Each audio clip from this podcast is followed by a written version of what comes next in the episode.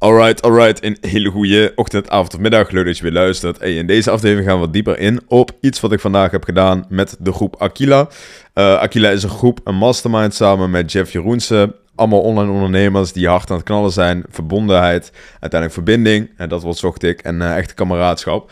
Um, en in die mastermind gaf ik vandaag een training over een stukje persoonlijk systemen. Voornamelijk voor rust in je kop. En daar wil ik dus graag deze podcast wat dieper op induiken. In de toekomst komt er nog een hele podcast, waarschijnlijk samen met Jeff, waar we sowieso dieper ingaan op het concept van Aquila, wat het inhoudt. En wellicht als je ondernemer bent, wat jij kan doen uiteindelijk om aan die groep aan te sluiten. is namelijk een exclusieve groep.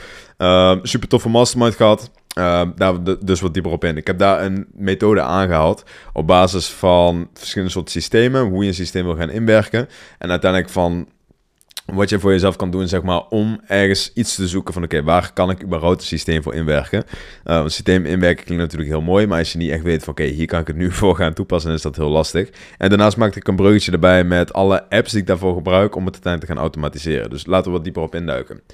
De theorie die ik heb gebruikt is hiervoor de TA, de, de, TEAD de TEAD-techniek. T-E-A-D, TEAD. En dat heb ik zelf verzonnen, maar het is natuurlijk wel ergens op gebaseerd. Uh, met die TEAD-techniek ga je eerst kijken uiteindelijk naar dat je bewustwording gaat creëren. Dus de T die staat voor traceren.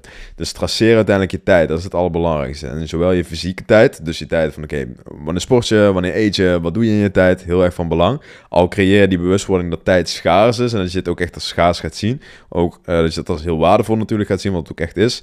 Uh, niets is zo waardevol als jouw eigen tijd dat je dit luistert. We gaan allemaal op een gegeven moment gaan we dood. Onthoud het altijd, memento mori. Uh, dus dat is een hele belangrijke. Dus ga je tijd traceren. Een app die ik daarvoor gebruik is Timely van Memory, een gratis app die je kunt gaan gebruiken. Waarbij je dus echt een inzicht krijgt in hoe jij je tijd voornamelijk online besteedt. En dus ook waar de tijd stiekem toch wel naartoe gaat. Misschien denk je, ja, ik zit niet zo heel veel op Instagram. Maar ja, als je daar elke keer ziet dat dat een blokkade is, dat je bijvoorbeeld Instagram elke, weet ik veel, al is het elke 15 minuten opent, dan zie je dat als een soort van patroon. En ik heb zojuist vandaag ook in mijn, in mijn story gedeeld. Ik heb Instagram verwijderd, maar in de avond download ik hem af en toe even om uh, toch nog wat stories met jullie te delen. Daarin zie je voornamelijk uh, dat er een studie is aangehaald. waarbij is aangetoond dat het ongeveer 23 minuten, of ongeveer, het is heel precies, 23 minuten en 5 seconden duurt.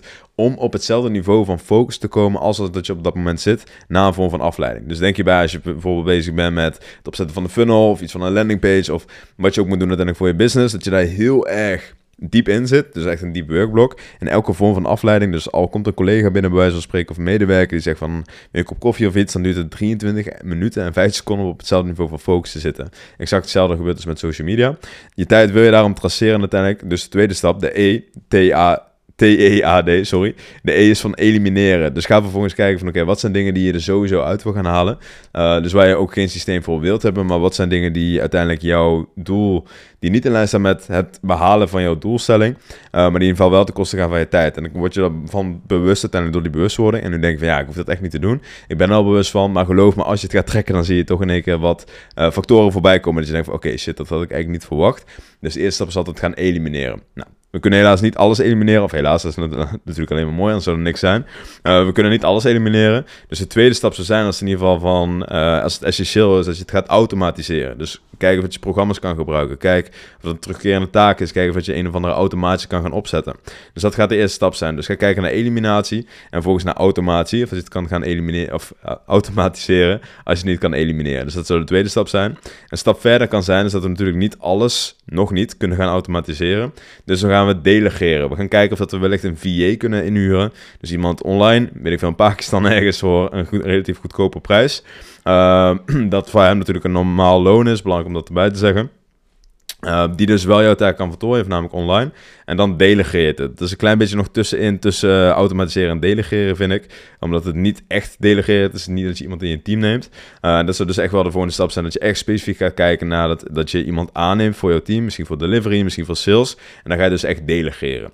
Wat je hier dus mee doet, is dat je in ieder geval die bewustwording creëert van... Oké, waar gaat je tijd naartoe? Is die tijd, is dat efficiënt? Ligt het uiteindelijk in lijn met je doelstelling?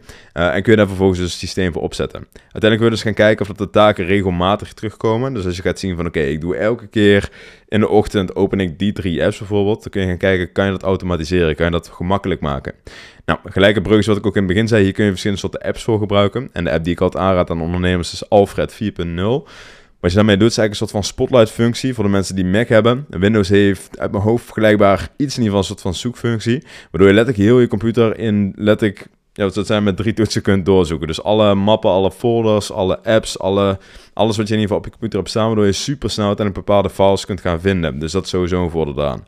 Daarnaast kun je dus heel veel gaan automatiseren. Dus je kan bijvoorbeeld, als je altijd verschillende tabs openzet, bijvoorbeeld in mijn situatie als ik een Reels post plaats, dan plaats ik hem gelijk en op TikTok en op Facebook en op LinkedIn. Dan zou ik elke keer los die tabs moeten openzetten. Dus even LinkedIn opzoeken, even TikTok opzoeken. En dat is heel klein qua tijd.